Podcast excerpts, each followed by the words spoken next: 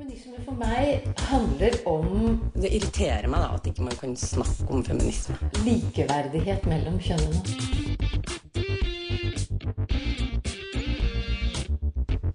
Det blikket på kvinnen på film. handlet det om å bli tatt på alvor som jente. Du hører på Et eget rom på Radio Nova.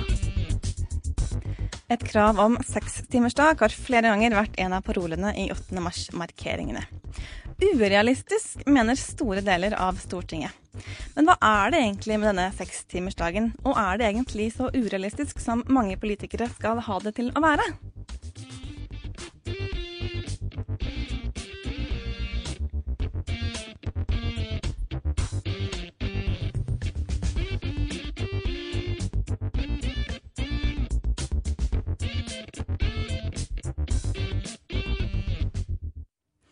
Hei og velkommen til Et eget rom denne mandagsmorgenen klokken ti. Norge, Norges nå, tok jeg veldig hardt i her, jeg merker det. Eh, Radio Novas feministiske program. Men det er ikke så veldig mange feministiske programmer. Nei. Så jeg kan nesten si at det er Norges, eh, Norges uh, studentfeministiske program. ja. i hvert fall. Ja. Du hører stemmene til Lina Therese Rostberg og Synnøve Berg Meisingseth. Jeg har med en gjestetekniker i dag. Det er veldig hyggelig. Takk til deg, Joakim, for et vink tilbake. Det er veldig hyggelig. Vi må snakke om sekstimersdagen. Det har vi Mm. sagt flere uker tilbake, Synnøve. Du og jeg. Absolutt. Vi var veldig på den ballen. ja, Ja. det hadde vi lyst til å snakke om. Og så er det jo 1. mai snart. Ja. Og da kommer jo den alltid opp. 8. mars har akkurat vært. Da kommer sekstimersdagen opp. Og så kommer 1. mai nå snart. Og da kommer det opp igjen. Så litt interessant å lære mer om det, tenker jeg. ja. Jeg har jo som tradisjon å, å markere begge dagene. Og så da er det kanskje greit å liksom sette seg litt inn i hva er, greia med den sekstimersdagen, Hva, egentlig. hva er greia? Hva er argumentene for? Hva er argumentene imot? Veldig. Eh, og så har jeg jo alltid hørt, eller i hvert fall lenge, at eh, store deler av eh, feministene de er veldig for sekstimersdagen. Ja, jeg lurer på hvorfor kobles det så, så direkte til kvinnekamp? Hva, Ja. hva har arbeidstid med kvinnekamp å gjøre? Ja, men, men det som var overraskende når jeg skulle gjøre litt research på det her, det var jo hvor massiv motstanden er iblant Veldig. politikere. Det er ikke sånn at det er på en måte høyresiden i politikken. Det er nesten hele Stortinget er vi imot sekstimersdagen. Ja, du har vel, så vidt jeg vet, tre partier på Stortinget som er for. MDG, SV og Rødt, om ikke det er helt feil. I hvert fall eh, Miljøpartiet og Rødt. De er vel mest for. Eh, Ja. Jeg tror innad i SV har det vært litt sånn eh, litt frem og tilbake, selv om de vel egentlig er for. Mm.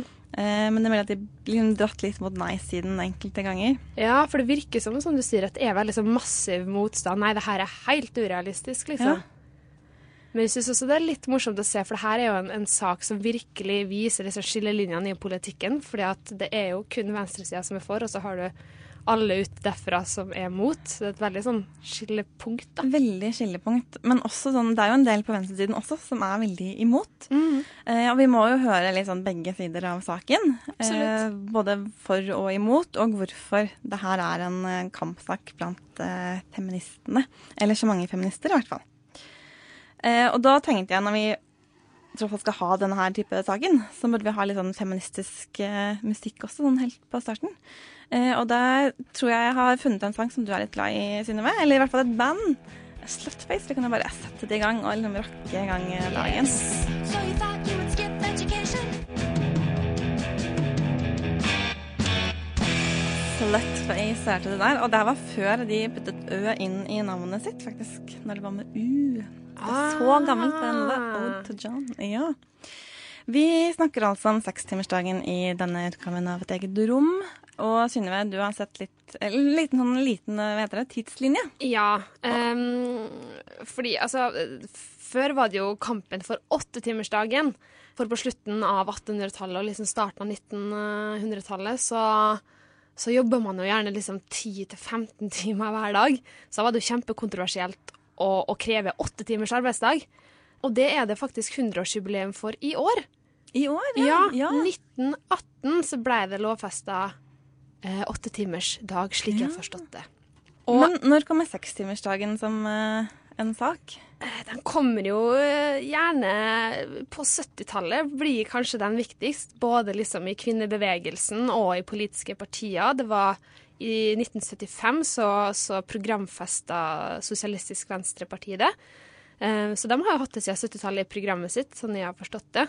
Og LO også hadde store interne diskusjoner på 70-tallet om det her med, med sekstimersdagen. Sånne interne diskusjoner om, hvor, om man skulle være for eller mot. Ja. Ja. Tror ikke eh, LO er som har programfesta at de er for. Men eh, jeg er ganske sikker på at deler av, eller noen av fagforbundene som er tilknyttet LO, de er, tror jeg er ganske Ja. for. Fagforbundet Ja. er for. Så det er litt sånn uh, gnisninger Det er egentlig det. over hele spekteret, eller uansett hvor du ser. Mm. Men det har jo vært litt prøvd ut. Ja, det har For det, det jeg syns er så spennende med det her, er at man snakker om noe jeg føler man egentlig ikke vet hvordan vil funke i praksis. For det er egentlig veldig få steder der man har testa ut sekstimersdag. Det er, så vidt jeg vet, ett arbeids, eh, et sted i Norge der det praktiseres, og har blitt praktisert siden 2007. Så det er jo ganske lenge siden. Det er en tinefabrikk i Trondheim der de kjører sekstimersdag. Og de gjorde jo også litt andre mm, endringer i bedrifter. De eh, jobba veldig for at arbeiderne skulle få mer eh, si, makt og medbestemmelse på arbeidsplassen. Eh, og så har de det sånn at dagskiftet går fra sju til halv to, altså seks og en halv time med sikkert da en halvtimes pause. Og kveldsskiftet det er sju og en halv time, men da jobber de ikke kveldsskift på fredager.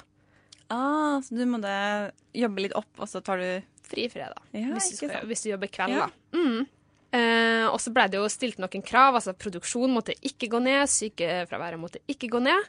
Og det det viser seg, er jo at sykefraværet eh, eller sykefraværet måtte ikke gå opp, mener jeg. Ja, ja. Og det det viste seg, var jo at sykefraværet gikk ned 5-6 Og de, eh, effektiviteten økte med 30 Og hva skal jeg si, de leverte det de skulle. Altså produksjonen holdt seg, da. Så det her, Man, man ble mer produktiv, og man klarte å opprettholde den eh, produksjonen man hadde før man gikk ned i ar antall arbeidstimer. Mm, Ja. Det har så vidt vært prøvd i Sverige også. riktig. Eh, så har det vært noen forsøk, men det er ikke så veldig mange forsøk i Norge. Veldig lite. Der har man ikke helt turt å gjøre det. Nei, altså I Sverige så var det én avdeling på et eldrehjem som fikk finansiert det her av staten til å, til å prøve. da. Og de ser egentlig det samme der, at sykefraværet går ned når man jobber mindre. Og både denne fabrikken eh, og, og helsearbeid er jo litt sånn tunge fysiske jobber, så det i mine ører høres jo litt naturlig ut, egentlig. Ja. At man eh, får en litt lettere arbeidsdag. Ja, Ja. rett og. Men, men der nevnte du at de hadde fått finansiert det her fra staten. For det, en eh, kime til debatt er jo økonomi Ja. og penger. Og hvordan skal man gjøre det her i praksis. Eh, og vi skal få litt hjelp, for ganske snart så kommer Pia Farstad von Hall. Hun er leder av Oslo Høyres kvinneforum. Og hun, altså Høyre er jo en av de mange partiene som er imot.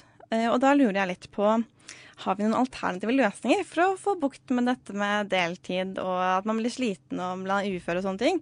Og det har jeg lyst til å spørre Pia om. Og mens hun kommer inn, så skal vi høre Mørk med låta 'Slipping'. Mørk og låta 'Slipping' hørte du der. Om det å falle på isen, faktisk. Det var det som var tema i denne låta. Eh, så vi kan jo hva skal vi si, En veldig rar overgang, vi om det sklir inn eh, videre i sendingen. Men nå har vi fått eh, intervju fra Pia Farstad von Hall fra eh, Oslo Høyres kvinneforum. Du leder der.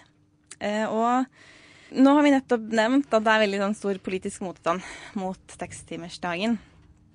Eh, men så vet man jo at det er litt for høyt langtidssykefravær. Eh, ideelt sett så burde det kanskje vært litt færre som jobber deltid. Altså, Har man noen andre alternative løsninger eh, til et bedre arbeidsliv hvis man ikke skal ha en sekstimersdag? Det finnes jo eh, mange virkemidler eh, for å legge til rette for eh, et godt arbeidsliv. Og jeg vil jo si at i Norge er vi heldige som har så høy andel kvinner som er yrkesaktive. Og vi som er kvinner i Norge har fått lov å gjøre valg som mange andre ikke har fått. Eh, Og det faktum at eh, 65% av norske kvinner faktisk er i jobb. Det sier mye om at vi har lykkes med å legge til rette for eh, kvinner, og kvinners valg og kvinners mulighet i arbeidslivet. Og så er det jo eh, selvfølgelig travle dager, og en skal sjonglere mellom jobb og familie og fritidsinteresser og strekkes i alle retninger, og det kan bli mye innimellom eh, for enkelte. Og vi vet jo at på noen arbeidsplasser så er sykefravær et tema. Men da er det ikke sekstimersdagen som er svaret på den, de problemene. Eh, jeg har veldig tro på inkluderende arbeidsliv, eh, og det arbeidet som er gjort med å ha en direkte dialog med den enkelte arbeidstaker for å kartlegge hvorfor man har et problem, og hvorfor det langtidssykefraværet har oppstått. Sånn at eh, den det gjelder, er ja, får litt mer makt til å være med å bestemme sin egen arbeidsdag, på en ja, måte? Ja, og det har jo vært tanken bak inkluderende arbeidsliv. Det at arbeidsgiver og arbeidstaker skal være i åpen dialog, for sånn var det ikke før. Eh, da gikk man til legen, så fikk man sykemeldingen, og så hørte man ingenting fra arbeidsgiver før eh, en enten var på vei på vei tilbake til jobb eller ble borte. Mens gjennom inkluderende arbeidsliv, som vi jo har hatt i mange år nå, så har man laget et system for en god dialog mellom eh, arbeidsgiver og arbeidstaker. Sånn at når du er ansatt et sted, så skal du oppleve at du også blir ivaretatt i eh, den perioden du er sykemeldt. Og for å identifisere om det er noe mer alvorlige ting som gjør at du er syk. For det er jo forskjell på det å eh, ha en sykdom som gjør at du trenger medisinsk behandling og er borte to måneder, eh, og det at det er psykiske faktorer som gjør at du sliter og har problemer knyttet til arbeidsmiljø eller andre ting. Eh, du nevnte forrige, eller tidligere i sendingen, eh, Synnøve, denne Tine-fabrikken. Mm. Og det var et av tiltakene de gjorde, i tillegg til at de fikk redusert eh, arbeidstid. Ja, for dem så var det der med medbestemmelse veldig, veldig viktig. At flere arbeidere kom inn i de viktige styrene og, og ble med og tok beslutninger. da. Um, så det var på en måte det første steget deres uh, mot et bedre, et bedre, sted å jobbe. Og så var det sekstimersdagen som også løste mange problemer for dem. Så egentlig så kan medbestemmelsesrett være sånn et skritt, i hvert fall, um, i riktig retning. Men uh, Pia, når, jeg leser om sekstimersdagen og hva alle mener, så virker det som at man har veldig sånn bestandte meninger. At politikerne mener nei. Men har det her i det hele tatt vært en debatt, f.eks. i Høyre? Altså Hvordan har man kommet fram til nei? Hvordan har den samtalen eller dialogen eller debatten vært tidligere? tidligere? Den, uh, altså I Høyre har man jo hatt den diskusjonen for lenge siden. Eh, og den eh, er jo ikke noe vi har i dag. Eh, og det handler jo om at vi ser det helt andre ting som betyr noe for yrkesdeltakelsen, også blant kvinner. Dette gjelder jo for menn òg, bare så det er sagt. de er med på lasset, de òg. Men det, det, handler ikke om sekstimersdagen. Det å være yrkesaktiv, det å, være, å gjøre, det å være med i arbeidslivet, det er helt andre faktorer som er avgjørende for, eh, for de valgene de gjør. Eh, sekstimersdagen har en kostnad òg, og det økonomiske perspektivet er jo noe vi må, må, ha med oss. Eh, og det I Norge er de fleste bedriftene faktisk små bedrifter, og de har jo begrenset økonomisk bæreevne, som det jo så fint heter. Og da, det skal man ha respekt for. Og det å lage systemer som gjør at uh, små bedrifter går konkurs, det tror ikke jeg er veien å gå. Du får ikke et bedre arbeidsliv av det. Da må man heller uh, tenke alternative løsninger der man er, uh, har en tett dialog mellom arbeidsgiver og den ansatte, og det offentlige hjelpeapparatet som vi har, som i all hovedsak er da organisert gjennom Nav. Så Høyre har egentlig prøvd å se liksom hele problemstilling fra alle mulige tenkelige vinkler? Eh, ja, for oss er dette en helhet. Eh, og, det, eh, og vi snakker jo i dag for å kunne ha de velferdsordningene vi har i Norge, så snakker vi jo ikke om at vi skal jobbe mindre, men at vi må jobbe lengre for å kunne ha råd til gratis skole, gratis universitet, gratis sykehus. Og vi har alle et ansvar for å bidra da, til at vi faktisk kan ha de godene med oss videre òg.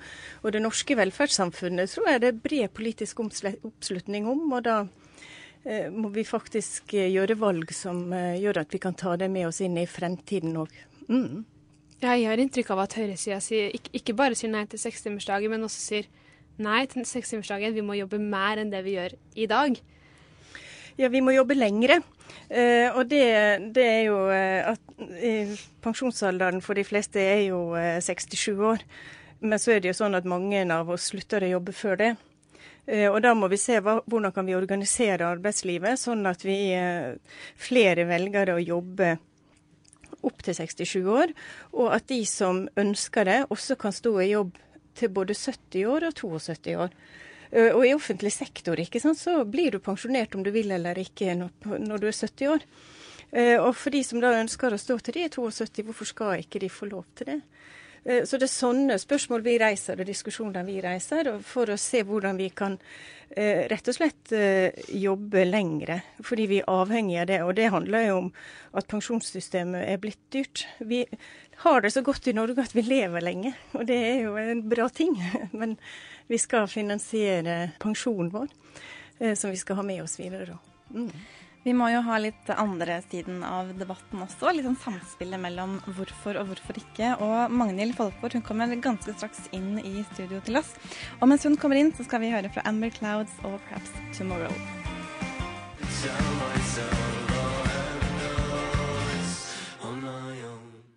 Amber Clouds hørte du her i Radio Nova. De spilte på Revolver for ganske noen få helger siden, faktisk. For de som var så heldige å få med seg bandet der. Og nå har vi utvidet Nå har vi blitt en kvartett her i studio. Magnhild Folkvold har kommet inn i studio, og så har vi med oss Pia fra eh, Oslo Høyre. Altså som allerede har vært med en liten stund. For nå må vi jo utvide samtalen litt her når det gjelder sekstimersdagen. Eh, for nå har vi hørt litt om hva Høyre tenker. Men Magnhild, du har jobbet i flere år for bare å vedlikeholde debatten om sekstimersdagen. Du, altså jeg kom inn på det her på 80-tallet. Ja. Eh, og det har, jo, det har, jo, gått litt i bølger hvor stor oppslutning og hvor mange som har vært bevisst på det. Men det som eh, kan si er framstegene nå i seinere tider, er jo at eh, det blir tenkt mer konkret om hvordan sekstimersdagen kan gjennomføres gjennom, eh, gjennom uh, tariffoppgjørene. Uh, så det er jo en, en viktig ting. Men ellers, altså for kvinnfolk, så har jo sekstimerskravet vært opplagt veldig, veldig lenge. For det at uh, de fleste vil jo gjerne ha en jobb som de kan være økonomisk selvstendig med. Og veldig mange har opplevd at, det, at en, en full 7,5 timers dag, det går ikke. Men er det, er det bare det som er uh, argumentet for? Nei. Nei. Uh, I disse dager så kan vi jo snart uh, feire 100-årsjubileum for åttetimersdagen. Det var en lang og seig kamp for fagbevegelsen helt fra slutten av 1800-tallet.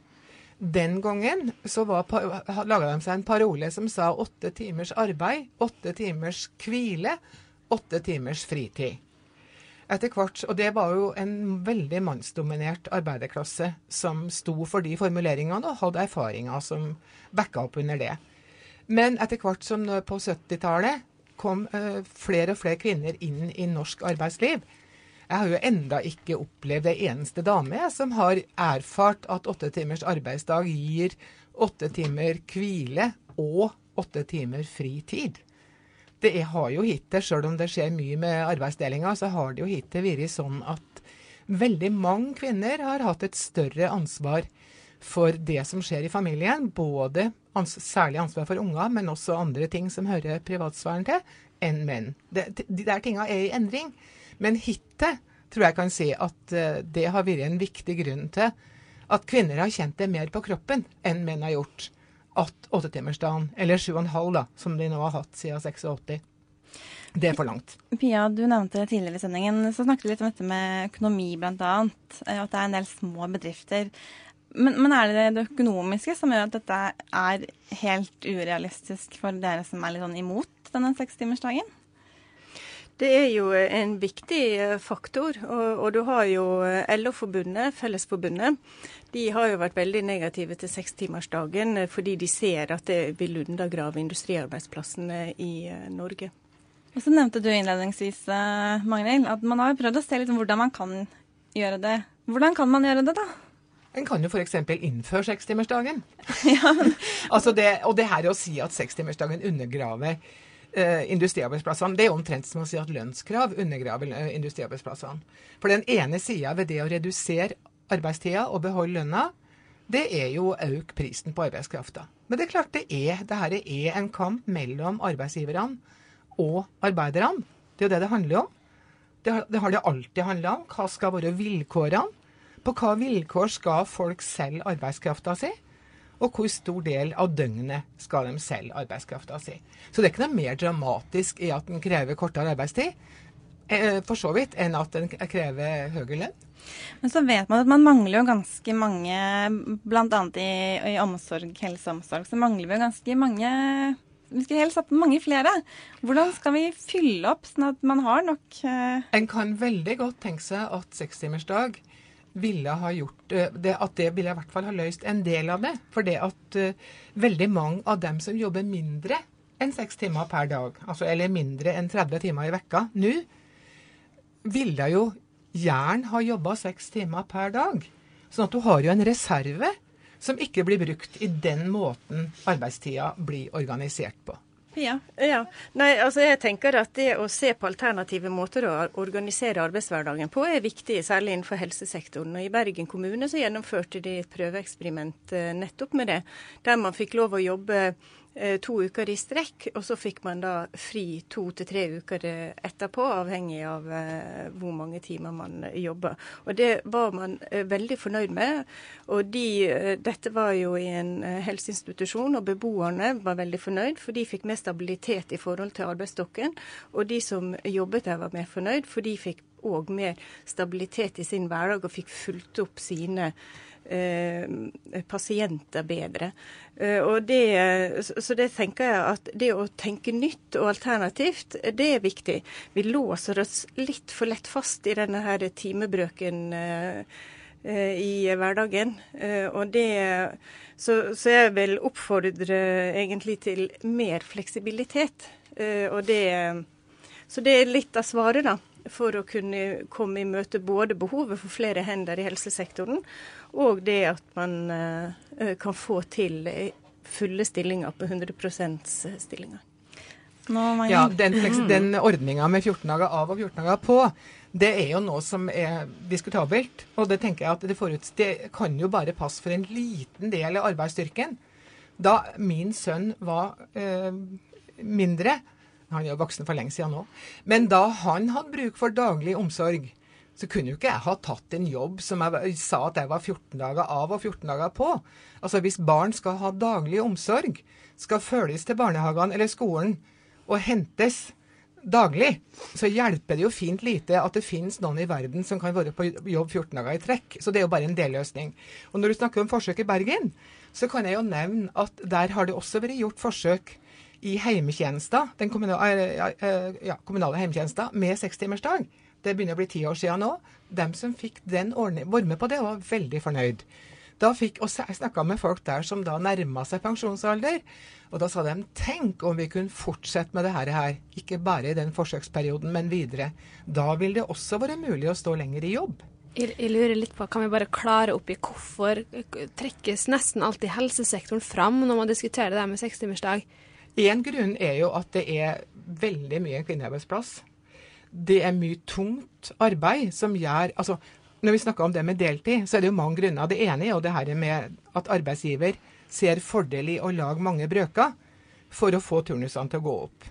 Det skjer bare i kvinneyrker. Har aldri hørt om brannmenn som må ha 17% stilling for at turnusen skal gå opp. Og det andre er at en del jobber er så tung at kvinner faktisk sier at det her klarer jeg ikke på full tid. Og da kan en jo diskutere hva er det som er frivillig deltid. Hvis jobben din er så tung at du ikke orker å jobbe fullt. Da er det noe annet, eh, da er det ikke arbeidstakeren som har ansvaret, da er det arbeidsgiver som har ansvaret for organiseringa. Ja. Så det, jeg vet ikke om det var et godt nok svar. Men det, altså, eh, poenget er jo ikke at en skal ha det bare i helsesektoren. Poenget med kravet om sekstimersdagen er jo at det skal gjelde for alle. Og skal være bokstavelig talt normalarbeidsdagen for kvinner og menn. Det er jo Selv om jeg, som jeg, som jeg gjerne sier at kvinner kjenner det mest på kroppen. At det ikke går i hop. Der er jo eh, mange kvinner i ulike yrkesgrupper, ikke bare i helsesektoren, sånn sett. Eh, og som du også sier, sekstimersdagen er jo eh, et krav noen har fremstilt fordi de ønsker å innføre det for hele arbeidslivet. Og det er jo der det kollapser, ikke sant. Det er ikke, det er ikke gjennomførbart for alle i alle typer jobber. Eh, og det er jo en grunn til at eh, Fellesforbundet er så veldig negative til sekstimersdagen. Det er jo fordi det eh, altså arbeidsplasser som lever av å lage produkter der man konkurrerer med andre land, eh, de, eh, skal, eh, de er nødt til å produseres innenfor en pris som gjør at faktisk noen vil kjøpe dem. Og det er jo en sånn klassisk eh, konflikt, ikke sant. Eh, Og da er det jo eh, eh, Sekstimersdagen vil eh, påføre disse bedriftene så høye merkostnader at det er en uaktuell eh, problemstilling hvis de arbeidsplassene skal leve videre. Så det, det er kjempeviktig å huske på å ha med seg. Så eh, ja, eh, lønnsomme arbeidsplasser komme kommer først. Vi må dessverre avslutte akkurat nå, men eh, Magnhild, du har masse på hjertet. Du skal være med litt til. eh, Og da må vi knytte det litt mot eh, kvinnebevegelsen, altså venstresiden, må vi undersøke det av kvinnebevegelsen, ikke hele. Pia, tusen takk for at du kunne komme hit og være med så langt. Eh, Og vi sender deg ut og får en liten sånn eh, pustepause med Lost Lines.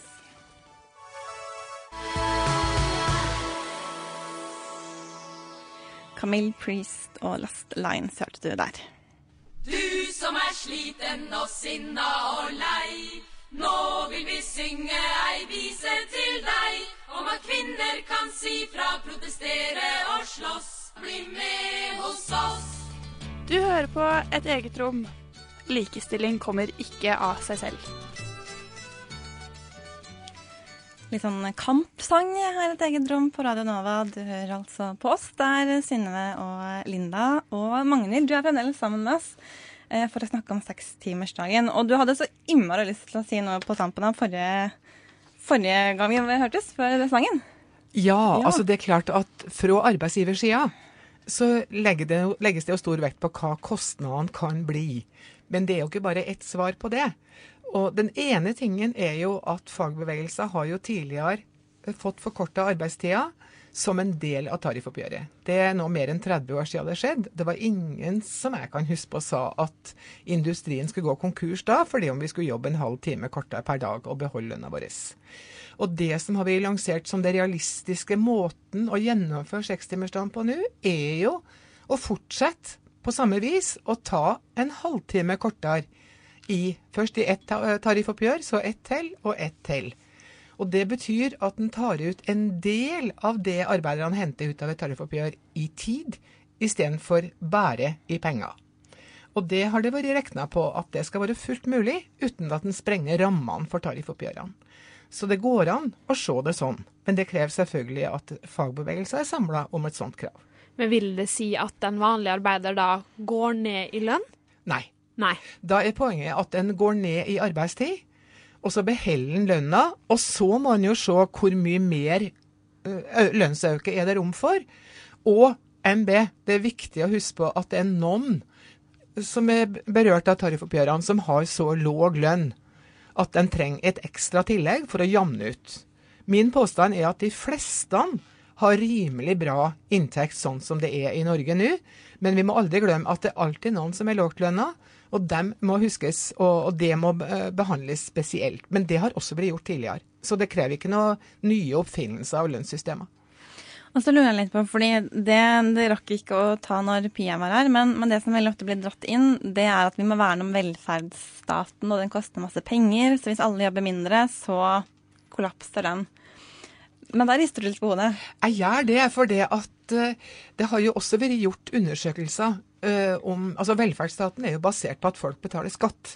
Og at alle bidrar til fellesskapet, eh, mer og mindre etter evne, men i hvert fall det skal fordeles så rimelig som mulig. Og det har vært gjort flere undersøkelser der folk har vært spurt om de er villige til å betale mer skatt for å beholde de velferdsordningene vi har. Og der har ikke jeg mm, desimalene på plass, men det har jeg i hvert fall sett at der er det veldig klare svar. Folk er opptatt av å bevare velferdsstaten, og hvis det krever mer skattebetaling, så er det også stor vilje til det. En annen sånn tallmessig ting er jo at det har blitt regna ut at eh, hvis vi ikke reduserer arbeidstida, men bare fortsetter som før, så vil altså rommet for privat materielt forbruk være to- eller tredobla i løpet av noen tiår. Og da kan en jo begynne å spørre hva skal vi med alle de pengene? Hvor mange biler skal folk ha? Hvor mange hus? Hvor mange dresser? Det er grenser for hvor mye mat en kan ete, og det er også grenser for hvor mye klær. Ja, Det det var litt sånn miljøperspektiv i det her Ja, òg. ja, og nemlig. apropos, apropos det med, med penger og økonomi, en liten fun fact bare. Jeg leste at eh, milliardene som brukes til kontantstøtta, som vi har i dag, er akkurat summen vi trenger for å finansiere en sekstimers arbeidsdag med full lønn for småbarnsforeldre. Ja, jeg skal ikke kommentere det. Nei, men det er bare litt, litt morsomt for å sette det litt Ja, i men det er, perspektiv, fall, det er i hvert fall noe med at det finnes penger både her og både der. Mm. Sånn at å si at det økonomiske er umulig, det er en misforståelse. Og når det gjelder holdninger i fagbevegelser, så nevnte jo uh, hun fra Høyre her at eh, Fellesforbundet er imot, uh, og det stemmer. Men det største fagforbundet i LO, det er Fagforbundet, som, som har et stort flertall av kvinner. De er jo veldig for innføring av sekstimersdagen. Så om det er altså En kan trekke flere slags, se på forskjellige slags motsetninger. Det er, En kommer ikke unna at det også er kjønnsmotsetninger i det her. Altså, Jeg vil jo si at sekstimersdagen vil være et like stort gode for menn som for kvinner. Men hittil så er det kvinner som har kjent det mest på kroppen, det her med at arbeidsdagen er for lang. Det er kvinner som har jobba mer og mindre frivillig, ufrivillig deltid. Og vi tror jo at det er så bra med likestillinga i Norge. Men jeg ser jo på økonomisk selvstendighet som en basis for likestilling mellom kvinner og menn. Og det er relativt få kvinner i Norge som kan oppnå økonomisk selvstendighet hvis de ikke har mulighet til å ha full stilling. Du er veldig opptatt av at uh, det her skal gjelde både kvinner og menn. Det er ikke en sånn at det bare er kvinner som skal ha seks timers arbeidsdag. Nei, per i dag så har jo kvinner i snitt sekstimersdag, men uten lønnskompensasjon. Hvis en ser statistisk på den arbeidstida, så hvordan den er fordelt. Altså kvinner jobber i snitt nå tenker du på alle yrkesaktive, i snitt 30 timer i vekka. Det tilsvarer en sekstimersdag. Men poenget er jo at det skal være full lønnskompensasjon, sånn at sekstimersdag er full jobb. Og det annet, har andre konsekvenser. Både for, både for dagliglivet og for pensjonsmulighetene, og for det meste. For kvinner og menn. Og da blir det litt mer sånn familiepolitikk nærmest også, da? Det gir i hvert fall muligheter. Altså, Jeg tror vi skal være veldig forsiktige med å si noe om hva som kan garanteres som følge av sekstimersdagen. Men det er klart at f.eks. når det gjelder arbeidsdelinga i heimen, der det da er ei kvinne og en mann til å dele det Hvis han jobber overtid og hun jobber deltid, så skjønner vi jo fort hvem det er som får hovedansvaret for hus og heim og unger og familie og alt som er. Men hvis begge jobber sekstimersdag, som er full jobb og med full lønn, så er det i hvert fall en veldig mye bedre mulighet til å få, med, få til ei jevn deling mellom de to. Du skal fortsette å være med oss litt til, Magnhild. Vi liker helt slutt på deg helt ennå. Jeg har gravd litt i våre gamle musikklister. Eh, For det er litt gøy, og liksom, hva har vi spilt eh, masse før? Og da fant jeg en låt som heter Shine, og den følte jeg var litt sånn fin sånn på våren, når mai nesten er rett rundt hjørnet. Mm. Jeg får litt sånn solskinn.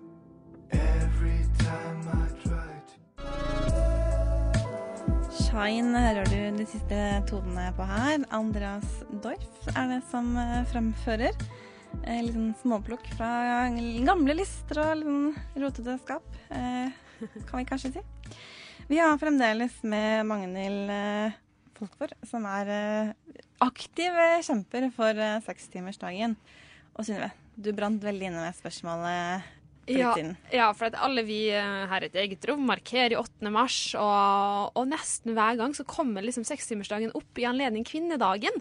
Og da lurer jeg på liksom, hva er koblinga her? Kan du forklare litt hva Ja, jeg tror det går litt på det samme som jeg prøvde å antyde tidligere her. At det er Altså På 80-tallet, hvor da liksom sekstimerskravet blomstra opp i nyere tid, kan du si, selv om det er lenge siden 80-tallet, så var det kvinnebevegelser som tok opp spørsmålet.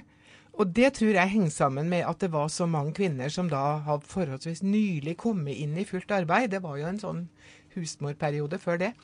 Og, og at det da var en stor mengde kvinner som erfarte at åttetimersdagen er for lang.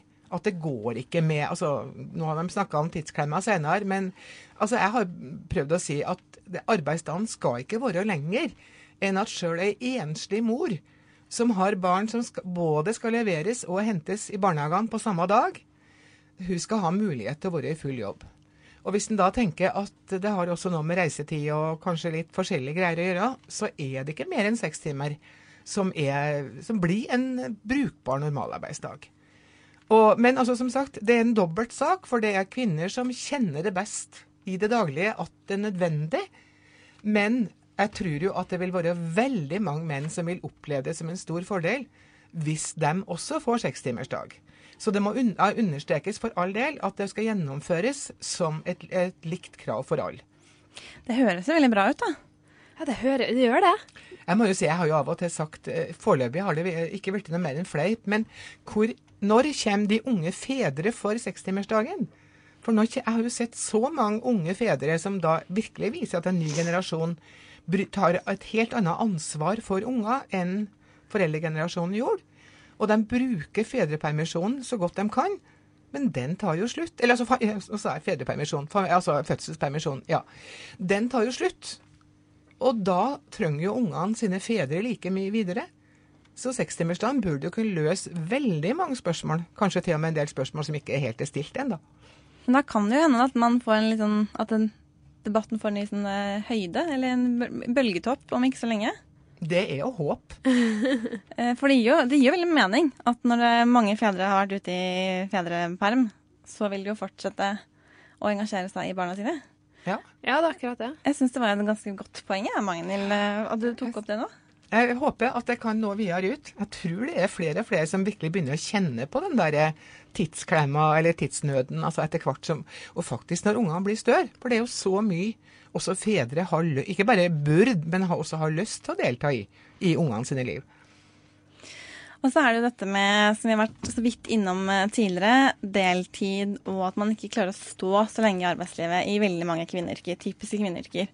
Og det er jo veldig typiske temaer i kvinnebevegelsen, og det her må man jobbe med. Eh, så egentlig så kan vi kanskje bare si at stikkordene for er eh, bedre arbeidsliv, bedre helse og bedre familiepolitikk, da. Det høres absolutt ut som at du er, har truffet blinken helt der. da er vi enige. Tusen takk, Magnhild, for at du ville komme hit. Og ja, da har vi nesten fått en oppsummering. Ja, syns det var bra oppsummert. Ja, veldig fint. Du skal få med deg en låt ut også. Eh, litt, sånn, litt indie, litt uh, rock. Beskrivelsen uh, Eldo Radio, faktisk. Syns det er veldig morsomt ja. navn. Youth Cult.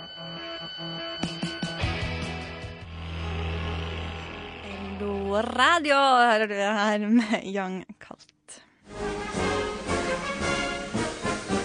Tenk på da vi gikk i demonstrasjonstog, og Ingrid på seks år gikk med plakat hvor det sto 'Jeg vil bli statsminister'. Og alle mennesker lo langs ruta for at en jente skulle kunne bli statsminister.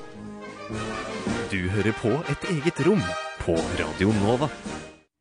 Det gjør du, men vi er nesten ferdig, dessverre. Eh, vi nå må nesten takke for oss. Men uh, du ser veldig fornøyd ut, uh, Synnøve. Du smiler veldig og er veldig sånn yeah! Ja, jeg, jeg, blir litt gira, for jeg synes det høres ikke ut som altså, Det er ikke den dummeste ideen jeg har hørt, og i hvert fall det med å prøve det. Går an å sette i gang litt sånn prøvetiltak, og liksom ikke avvise det brått ja. som konsept? Prøve litt mer, ja. sånn som man har gjort på Tinefabrikken, og kanskje litt på forskjellige måter. Altså hvordan kan man faktisk gjøre det i praksis? Fordi jeg merker at jeg er veldig for men jeg ser ikke helt hvordan man skal gjøre det i praksis. Ja, Det er det jeg tror folk sliter med. Hvordan skal det her gå an rent sånn økonomisk sett? Ja. Men uh, jeg tenker man har jo sett på dem som har prøvd at det har vært gode resultater, så hvorfor ikke prøve litt mer? F.eks. i helse og omsorg. Ja, men der er det sånn, har man egentlig nok folk til å fylle sånn at alle ja, jobber seks timer? Her kommer de praktiske tinga inn igjen. Ja. Jeg tror det er det folk stusser ved stusser veldig ved det. Men ja. uh, vi får jo oppsøke 8. mars og 1. mai. Det er jo faktisk snart 1. mai allerede. Ja. Uh, og neste uke, da du hører oss igjen, da snakker vi om deltidsarbeid. Så litt sånn uh, eh, 1. mai-spesial. vi trapper veldig opp til ja. 1. mai akkurat nå. I studio så har du hørt Synnøve Berg Meisenseth og meg, Lina Therese Rosenberg, og tekniker har vært Joakim Foss Johansen. Og da er det vel egentlig bare å si takk for oss, da. God 1. mai. God, når, den når, den tid kommer. Når den tid kommer. Ja, det er litt en uke igjen. Ja, ja. ja. Jeg gleder meg. Vi gleder oss allerede. Vi kan lede en hel uke. Yes.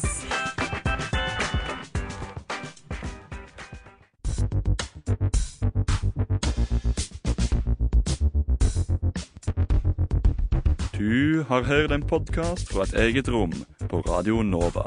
Vil du høre mer? Sjekk ut et eget rom på Facebook, Instagram eller radionova.no.